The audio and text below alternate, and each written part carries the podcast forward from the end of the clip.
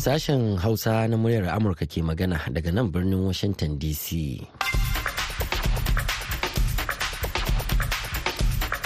Masu saurare Assalamu alaikum barkanmu da asuba da fatan an waye gari lafiya. Murtala Faruk sanyin ne tare da Hauwa Sharif da sauran abokan aiki muke farin cikin kasancewa da ku a cikin shirinmu na safiyar yau Juma'a 22 ga watan Disamban shekara ta 2023. kafin ku ji abubuwan da muke tafa da su ga kanun labarai. Fadar white house ta sanar a jiya alhamis cewa tana gudanar da shirye-shiryen samar da wani sabon kuduri ga rasha da za a yi amfani da shi domin sakin dan jaridan nan evan gershovic da wani ba amurke da ke daure. Yan jam'iyyar republican da dama a faɗin amurka sun riƙa mai da martani cikin fushi kan wani hukuncin da ya samu rinjaye huɗu da uku a babbar kotun kolin colorado da ta ayyana rashin cancantar tsohon shugaban amurka donald trump na kasancewa a jerin 'yan takarar zaɓen fidda gwani na jam'iyyar republican a zaɓen shekarar 2024 gwamnatin somaliya ta sanar da cewa wani harin makami ta sama da amurka ta kai a ranar 17 ga watan disamba kusa da birnin jilib ya kashe wani babban kwamandan al-shabab. To bayan labaran duniya za ku ji cewa gwamnatin Najeriya ta sha alwashin hukunta duk wanda ta sama da sakaci a cikin masu kula da jirgin saman sojin nan maras matuki wanda ya kashe fararen hula a garin tudun biri na jihar Kaduna. to ai na farko kaga dai ita gwamnati da gangan ba za a tashi aje a ce a jefa mutane bom haka nan ba. Babu yanda za a yi. Gwamnati na juyayi ƙwarai da gaske. Yayin da ya rage saura kwanaki kalilan da bukukuwan Kirsimeti da sabuwar shekara matafiya da direbobin sufuri a najeriya na kokawa kan matsananciyar tsadar man fetur wadda ta sa farashin sufuri hauhawa. Motoci ga sunan dai bila adadin a cikin tasha ga mu direbobi a zazzaune jiran ma fasinja muke ba fasinja. Za mu kawo muku shirin manuniya wanda zai ƙara bitar muhimman al'amuran da suka faru a wannan shekara mai ban kwana. Kuma kamar kowace ranar juma'a yau ma za ku ji nasiha daga bakin malamai. To amma kafin duka waɗannan sai a gyara zama domin jin labaran duniya tukunna. Jama'a Assalamu alaikum barkamu da asuba ga labaran mai karantawa Hawa Sharif. Fadar White House ta sanar a jiya Alhamis cewa tana gudanar da shirye-shiryen samar da wani sabon kuduri ga Rasha da za a yi amfani da shi domin sakin dan jaridan nan Evan Gershkovich da wani ba Amurke da ke tsare. Mai magana da yan hukumar tsaron ƙasa John Kirby ya shaida manema labarai cewa suna aiki tukuru domin ganin sun samar da wani kuduri da ka iya yin muhimmiyar nasara. Fadar Kremlin dai ta yi fatali da wani kudurin da aka gabatar mata a can baya. tun a watan maris ne dai dan jaridar mujallar wall street gershovic ke tsare bisa tuhumar leƙen asiri zargin da shi da mujallar da yake ma aiki da gwamnatin amurka suka karyata daure gashkovic da rashan ta yi ya fito da abin da ta kwashe shekaru tana yi na keta haddin yancin 'yan jarida. Ba wato ɗaya ba amurken paul whelan wanda tsohon sojin ruwan amurka ne.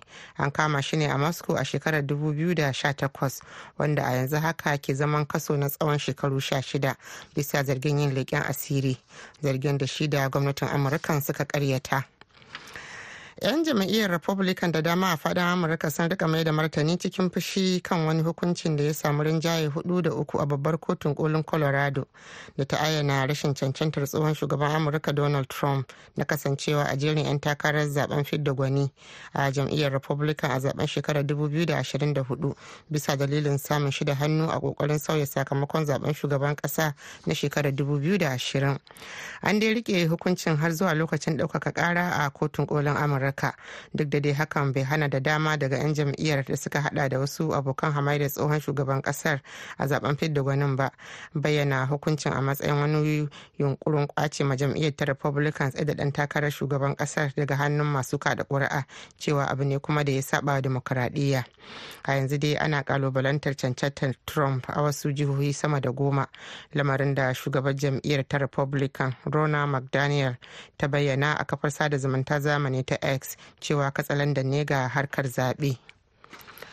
sojojin najeriya sun ce suna gudanar da wasu ayyuka kan 'yan bindiga a jihar sokoto wanda kan hakan ne kuma wani mai sharhi akan lamarin tsaro ya tofa albarkacin bakinsa da duba yadda al'amura suke a zahiri a yayin wata tattaunawa da wakilin sashen hausa hassan mai na kaina eh, babu shakka ana samun ire-ire waɗannan nasarori. Amma in ka bi ire-ire waɗannan nasarori zaka isko jirgin sama ne ya zo ya bugi wurin ko ya yi hwada da su wurin. Ainihin sun kawace ba tare da an yi masu kohon rago raga daga ƙasa ba domin a yi waɗanda su ba. Babu shakka waɗannan mutane an ceto su kuma an zo an kawo su gidan gwamnatin jihar sokoto kuma an yi rehabilitating nasu kuma an miƙa su ga ainihin mutanen su. Amma duka wannan hitina wadda ke faruwa yammacin sokoto wannan yankin na illela da ainihin tangaza da ainihin gudu da gwadabawa. Wato ko bai yi ɗaya bisa goma ba na abin da ke faruwa gabacin sokoto. Gabacin sokoto makare take da yan bindiga. Duka inda ya kamata a ce an yi hada da waɗannan yan bindiga babu kamar gabacin sokoto. Domin gabacin na sokoto shina ɗauke da yan bindiga kasugumai na arewa maso yammacin najeriya. Gabacin isa gabacin sabon birni duk wanda ya ce maka akwai hukuma nan ko hukuma na da iko nan ba yan bindiga ba ya gaya ma ne kawai saboda bai san wurin ba. Wajibi ne gwamnati ta tashi tsaye ta yi abin da ya dace domin shiga lungu da sako ta ƙasa ba ta sama ba domin a yi hada da yan bindiga. Wannan shi ne abin da muke gani ya kamata. Basharu altine guyawa isa hassan mai na kaina muryar amurka daga abuja nigeria. To nan ba da jimawa ba hawa za ta sake shigowa da labaran duniya a kashi na biyu. To amma kafin nan gwamnatin najeriya ta sha alwashin hukunta duk wanda ta sama da sakaci a cikin masu kula da jirgin saman soji marasa matuki wanda ya haifar da sakin bama-bamai tare da kashe fararen hula a garin tudun biri na jihar kaduna. Ministan watsa labarai na najeriya muhammad idris malagi ne ya ba da wannan tabbacin a jawabin da ya yi wa manema labarai na ƙarshen shekarar nan ta 2023 mai ban kwana. Wakilin mu nasiru adamu el hikaya na ɗauke da karin bayani.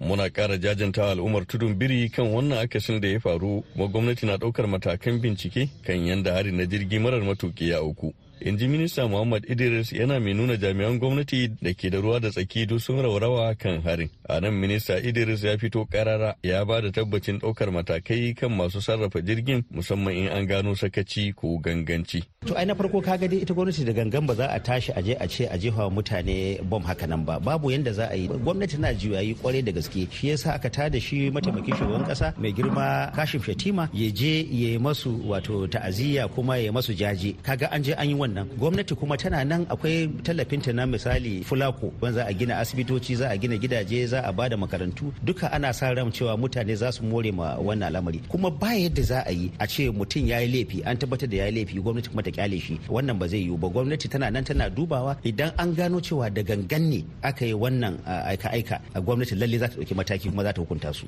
Muhammad Idris wanda ya ce gwamnati na tattaunawa don kara ma'aikata albashi a shekara ta 2024 mai shigowa ya ce lalle duk 'yan Najeriya za su amfana da ribar cire tallafin man fetur da hakan ya jawo hukuncin rayuwa. Ai already ai an ma fara samun ma gajiyar. Misali akwai iyalai guda miliyan goma sha biyar in ka ji bayanin da na yi da gwamnatin tarayya ta ce za riƙa ba su kuɗin tallafi na dubu ashirin da biyar su ƙara. Wannan ba an ce bai wai ya ishe su ba ne amma su ƙara ne saboda a samu sauƙin al'amura. Na farko kenan. Na biyu ai kai ka sani kuma ka ji lokacin na ya bayanin cewa za a kara an kara ma kuɗaɗen wato ma'aikatan gwamnatin tarayya kuɗin albashin da suke samu na wajen dubu talatin da biyar. Gwamnati ta ce tun da ba kowa ba ne ma'aikacin gwamnatin tarayya akwai gwamnatocin jihohi akwai kuma manyan kamfaninnika da ƙanana ma. Gwamnati na kira a gare su su duba dan Allah su kara ma ma'aikata wannan karin albashi domin su iya biyan kuɗin masarufi da kuma wasu al'amura na yau da kullum ministan ya yi bitar muradun gwamnatin tinubu guda takwas da ya sa a gaba ciki da farfado da tattalin arziki inganta tsaro sufuri lafiya da sauransu. Amma ba a ambaci yaƙi da cin hanci ba da hakan ya zama ya sha bamban da irin muradun tsohon shugaba buhari wanda an cimma ko ba cimma ba bayanai ko tarihi zai tabbatar. Dattawa 'yan siyasar arewa irin Hussaini Gariko na son lalle gwamnati ta sake sauya dabara matuƙar dai za ta yi wani tasiri. Babu to ai matsalar ita ce Nasiru ai problem din da muka samu shine su 'yan majalisar tarayya ai ba su damu da rayuwar mutane ba abin da ke gaban su su kare kambun su tun daga ƙarin kuɗin mai ya kamata su fara yi wa shugaban ƙasa takunkumi domin ƙarin kuɗin mai shi ya dawo duk bala'in da yake cikin Najeriya nan. Shugaba Tinubu na cewa yana jin zafin kunci da 'yan Najeriya ke ji amma Hausawa kan ce da fama da tsiya gara da arziki. Nasiru da Malika madar Amurka daga Abuja, Najeriya.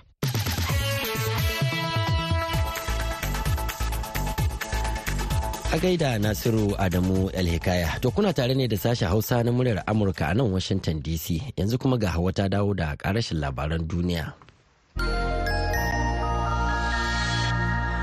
Gwamnatin somalia ta sanar da cewa wani harin makami ta sama da amurka ta kai a ranar 17 ga watan disamba kusa da birnin jilib ya kashe wani babban kwamandan al-shabab da ke da hannu a wasu hare-hare kan wasu rukunonin sojoji a somalia da kenya. Gwamnatin ta faɗa cikin wata sanarwa cewa lamarin da ya kai ga kisan malim aiman sakamako ne na wani aikin haɗin gwiwa tsakanin dakarun tsaron somalia da sojojin amurka. Ma'aikata yada labaran ƙasar ta somalia ta faɗa a jiya alhamis cewa kisan kwamandan na al-shabab tamkar raba mugu da makami ne ga al'ummar somalia. Rundunar sojan amurka da ke afirka africom ta tabbatar da cewa harin na ranar 17 ga disamba ya kashe wani mayakin al-shabab a kusa da birnin jilib da kuma tabbatar da cewa ba a taba farar hula ko guda ba. Wata ƙungiyar sa ido ga 'yancin 'yan jarida ta faɗa a jiya alhamis cewa 'yan jarida na je a jika a yaƙin da ake ci gaba da yi tsakanin isra'ila da dakarun hamas. Akalla 'yan jarida 68 sun rasa ransu tun bayan fara yaƙin a ran bakwai ga watan oktoba. An kashe 'yan jarida da dama a farkon makonni goma na soma yaƙin adadi mafi yawa da aka taba samu a wata ƙasa guda a shekara cewar kwamitin kare 'yancin 'yan jarida ko cpj tun a shekarar 1992 ƙungiyar mai kare 'yancin 'yan jarida da ke da mazauni a new york ta fara bibiyar kisan da ake yi wa 'yan jarida. Mai kula da ayyukan ƙungiyar a yankin gabas tsakiya da arewacin afirka sharif mansur ya ce yaƙin da isra'ila ke yi a gaza shine mafi hadarin yanayi ga 'yan jarida da ƙungiyar ta taba gani abin da ya ce adadin ya tabbatar baro-baro dakarun isra'ila sun kashe 'yan jarida da dama a cikin makonni goma fiye da duk wata rundunar soji ko ta ƙungiya a cikin shekara guda kacal.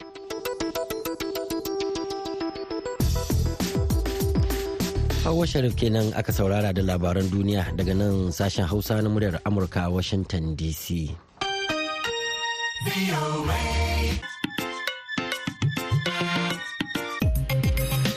To yayin da ya rage saura kwanaki kalilan a gudanar da bikin Kirsimeti da sabuwar shekara.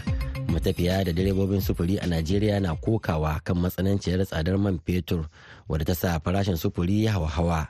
Wannan da ya sashe ne na tasirin da ya samo asali daga matakin gwamnatin tarayyar ƙasar na cire tallafin man fetur kamar yadda wakiliyar hawa umar ta aiko mana a wannan rahoto.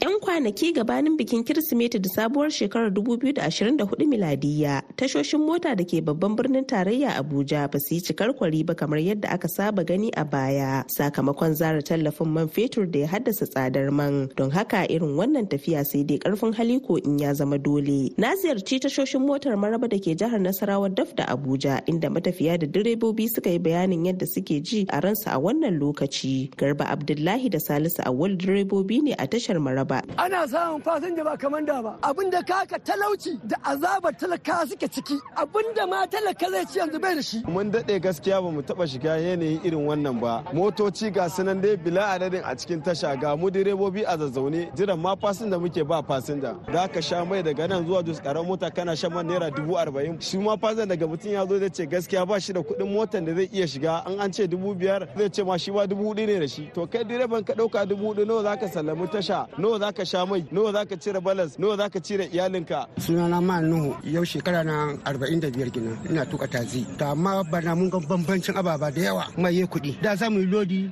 dubu ɗaya ɗari takwas takwas mu samu kuɗi mu ci da mata mu da yaran mu to yanzu nan mai ina kwashe mana kuɗi. Rukayya mai tafiya ce a daidai irin wannan lokaci na kowace shekara ta ce dama kuɗin motan kan karu amma na wannan karan abin ya wuce misali. Ana fuskantar ƙalubale maganan kuɗin mota don ya zama dole ne ma sai ka tafi. Yanzu ko yau da safen nan ma mun zo mun tambaye kuɗin mota da aka ce mana 55 amma yanzu kuma ya koma 6000. Sunana Fidelis Onen al'amarin fa yanzu fa sa hankali.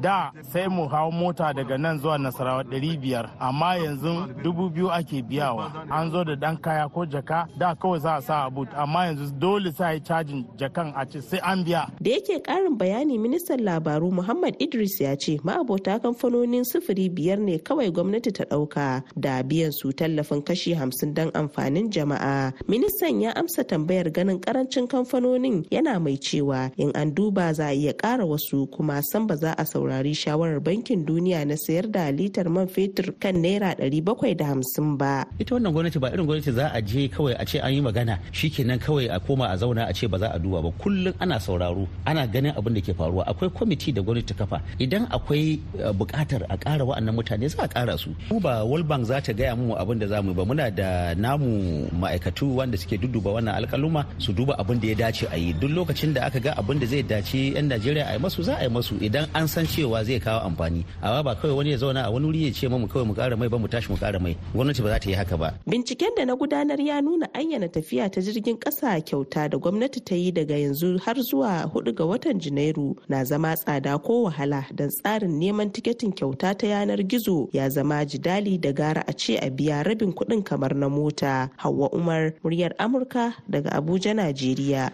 A gaida hawa umar to kada manta shirin na zuwa muku ne daga nan birnin washington dc kuma a koda yaushe ake so za a iya zuwa shafukanmu na intanet a voahausa.com ko kuma sashen hausa.com yanzu kuma ga shirinmu na gaba. Manuniya.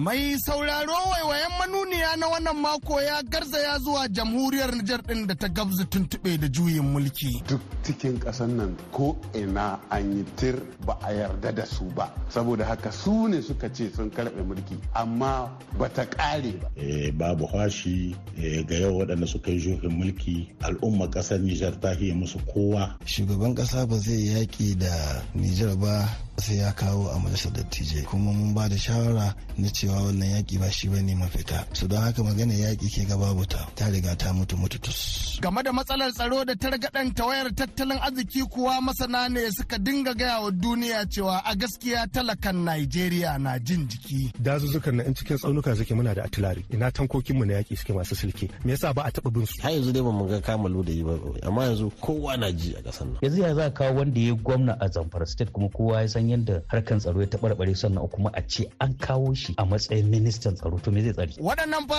so mun muka tattaɓo cikin tarin muryoyin da za ku za cikin wannan shiri na waiwaye a shirin na manuniya.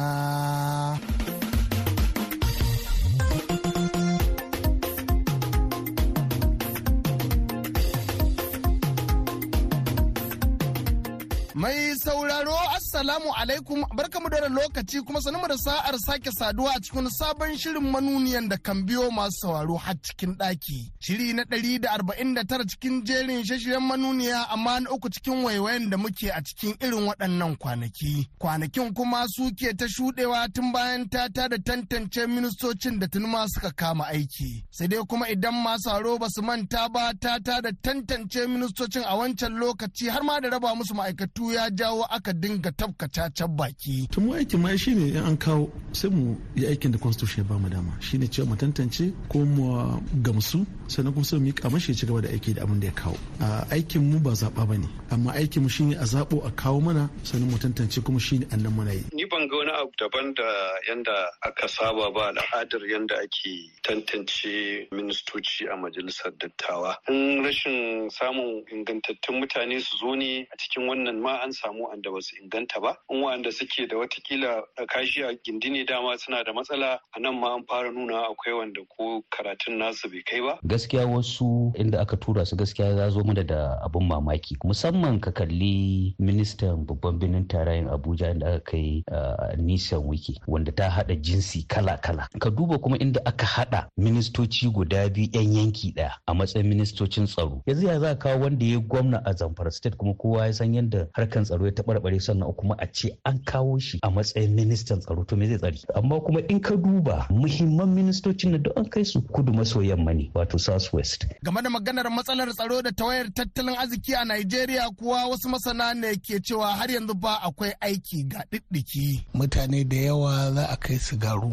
Masu albashi albashin zai zama cewa babu daraja. Ballantana kuma marasa albashi. Komai ya yi tashin goron zabi. To talauci ne zai karu in kuma talauci ya karu da yawa a cikin al'umma. Al'umman nan ba ta waliye ba ce. Mutane da yawa za su shiga waɗansu hanyoyi da sata ta karara da arm robbery da banditry ɗin nan duk abubuwan da suka fara yin ƙasa. To babu mamaki talauci ya daɗa dawo da irinsu irinsu. Yan bindigan nan sun daɗe suna ɓanna sun ta gayyara wa'yansu sun kashe wa'yansu sun kona dukiyan wa'yansu. Ana cewa a sulhu da su kuma abin da ake nufi shine su kawo makamansu sannan a nemi wani aiki a ba su ko kuma a nemi wa'yansu yan kuɗaɗe a ba su a ce su je su riƙe kansu. To magana a nan ita ce shi kuma wanda aka salwantar da rayuwarsa ba akwai jadawalin sunayen mutanen da aka kakkashe yau da za a fito da yan uwansu a ba su diyansu. Akwai jadawalin irin dabbobin da aka kwata na mutane da gonaki da aka salwantar da gidaje da aka kona na mutane waɗanda yau za a biya yan uwansu wannan diya. Duk abin da suka taba ko menene in rashin tsaro ne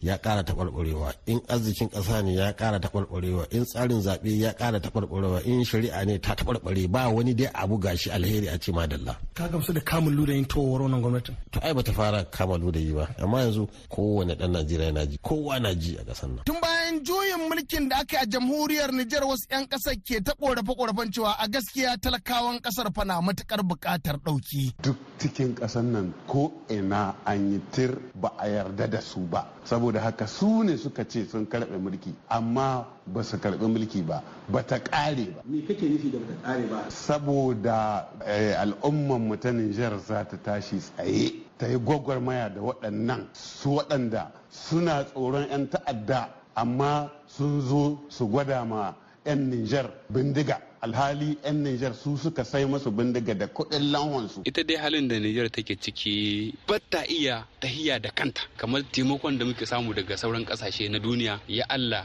bashi ne ya Allah taimako ne shi ne ake gangama a yi aiki ne yau da gobe. To yau duk inda aka ce an yi kudita sai ku ga su wannan partenarkin sun tsaye da wannan tallafin. Hal ya ta kai ga ayyukan jin kai su ma sai ka ji an ce an kenan dole talaka ya ji a jikin shi. A yau ƙasar Nijar kamata hi neman kuɗi naka na kanka bankuna. Abin da kake buƙata a ce maka a ce saƙon shinkafa yana wajen shika goma sha biyar. In ka ɗauki hatsi tiya ta kai wajen shika guda. Idan ka ɗauki wake tiya ya kai wurin shika guda a yau hatta da wannan wutar lantarkin dai an ka bar mu ta ishe mu. Mu 'yan Nijar ba mu lamunce da wannan kuma har abada ba za mu lamunce da wannan ba. Saboda wata shida na mulki kuma a nema a mai da wasu tsohin ma'ikanta na da bai yi ba ko kaɗa wannan abu ba mu mare da shi ba. Algeria duk abin da ta yi propose babu abun da ya yi. Abu guda ɗaya ne na harkar zaman lahiya wannan mu 'yan Nijar uwan mu guda uban mu guda muna fata Allah ya sa mu gane ma juna mu zamna tare mu haɗa kai mu gina ƙasar mu saboda babu wanda yake zawa ya gina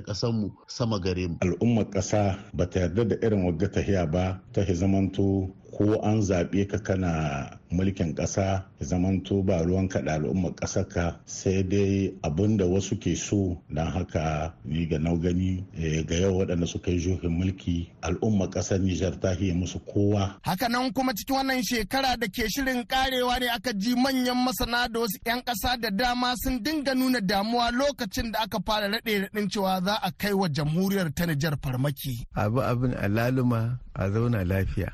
In sun bari shi kenan yanzu duk wanda ya juya mulki a ce bari ya sauka ba zai yadda ba. Sai da kare jini biri jini. Mu kuma 'yan najeriya ma in ban da ganganci irin namu na najeriya ga yaƙi a gida ba mu magani shi ba. Ga kidnappers ga 'yan boko haram ga 'yan iswad.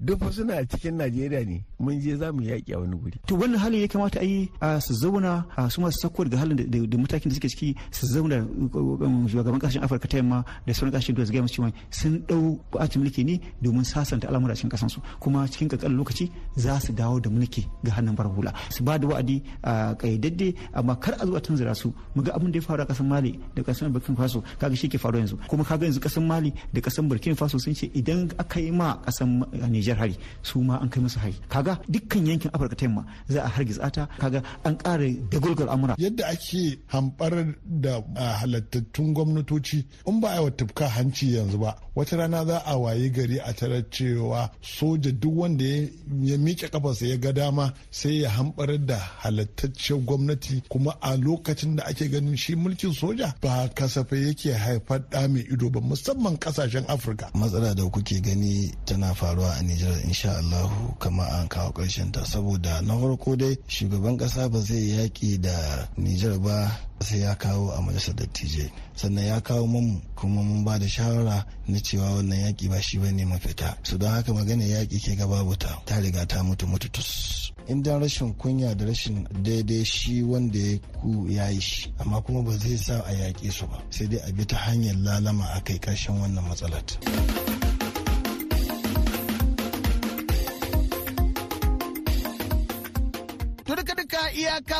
Batutuwan da za mu iya baje muku kenan a cikin wannan shiri na manuniya sai dai kafin mu yi sallama sai mun sanar da dukkanin masu dafifin dafe madafa iko cewa kwanakin da ake keɓe musu fa suna ƙara ƙarewa ne abun da kamar kace a mafarki. Domin kuwa daga juma'a nan ma saura kwanaki dubu ɗaya da ɗari biyu da hamsin da uku ne su yi sallamar cikin kujen da suke ganin sun dafe ko da ko suna kan kyakkyawan tafarki. Kuma a madadin dukkanin waɗanda kan taimaka wajen tabbatar da wannan shiri ya zo muku musamman dai abokan aiki irin su Sulaimu Minin Barman jamhuriyar Nijar da kuma Mahmud Kwalin jihar Kanawa da Maman Manuniya Madina Daudan da kan yi daudalar dawo da muryoyin da mukan sake su ba wani shamaki. Ni Isa Lawal Ikara da kan shirya gabatar da ke cewa sai kuma mako idan Allah ya sake sada mu a cikin shirin waiwaye na ƙarshe a wannan shekara a cikin shirin na manuniya.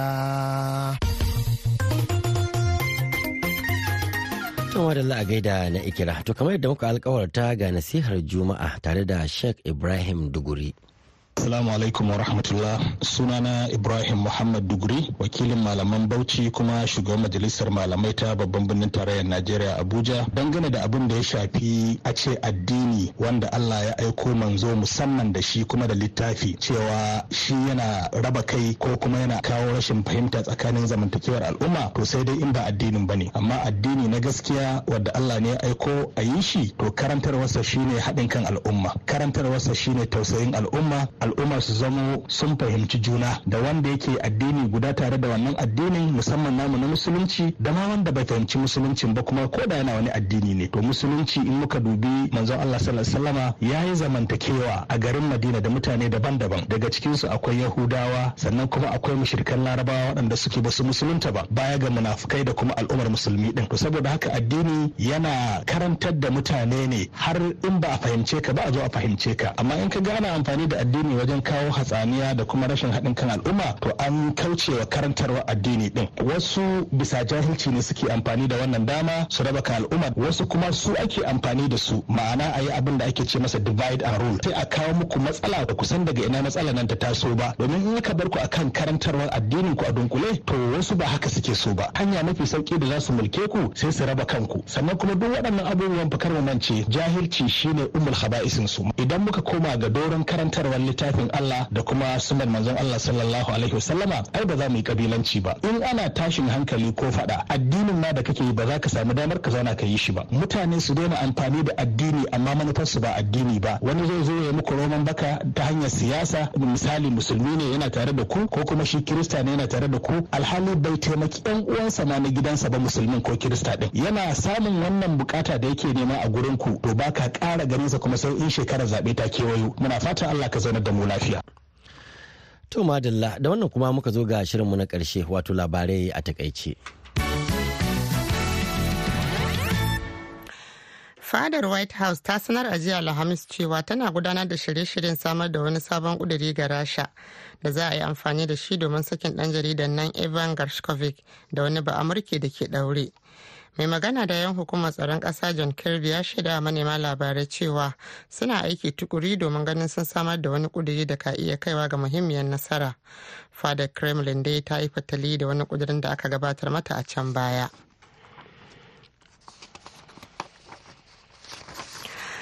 'Yan jam'iyyar republican da dama a faɗin amurka sun riƙa mai da martani cikin fushi kan wani hukuncin da ya samu rinjayen huɗu da uku a babbar kotun kolin colorado da ta ayyana rashin cancantar tsohon shugaban amurka donald trump na kasancewa a jerin 'yan takarar zaɓen fidda gwani a jam'iyyar republican a zaɓen shekarar 2024 bisa dalilin samun shida hannu a ƙoƙarin sauya sakamakon zaɓen shugaban kasa na shekarar 2020 an dai riƙe hukuncin har zuwa lokacin ɗaukaka ƙara a kotun kolin amurka.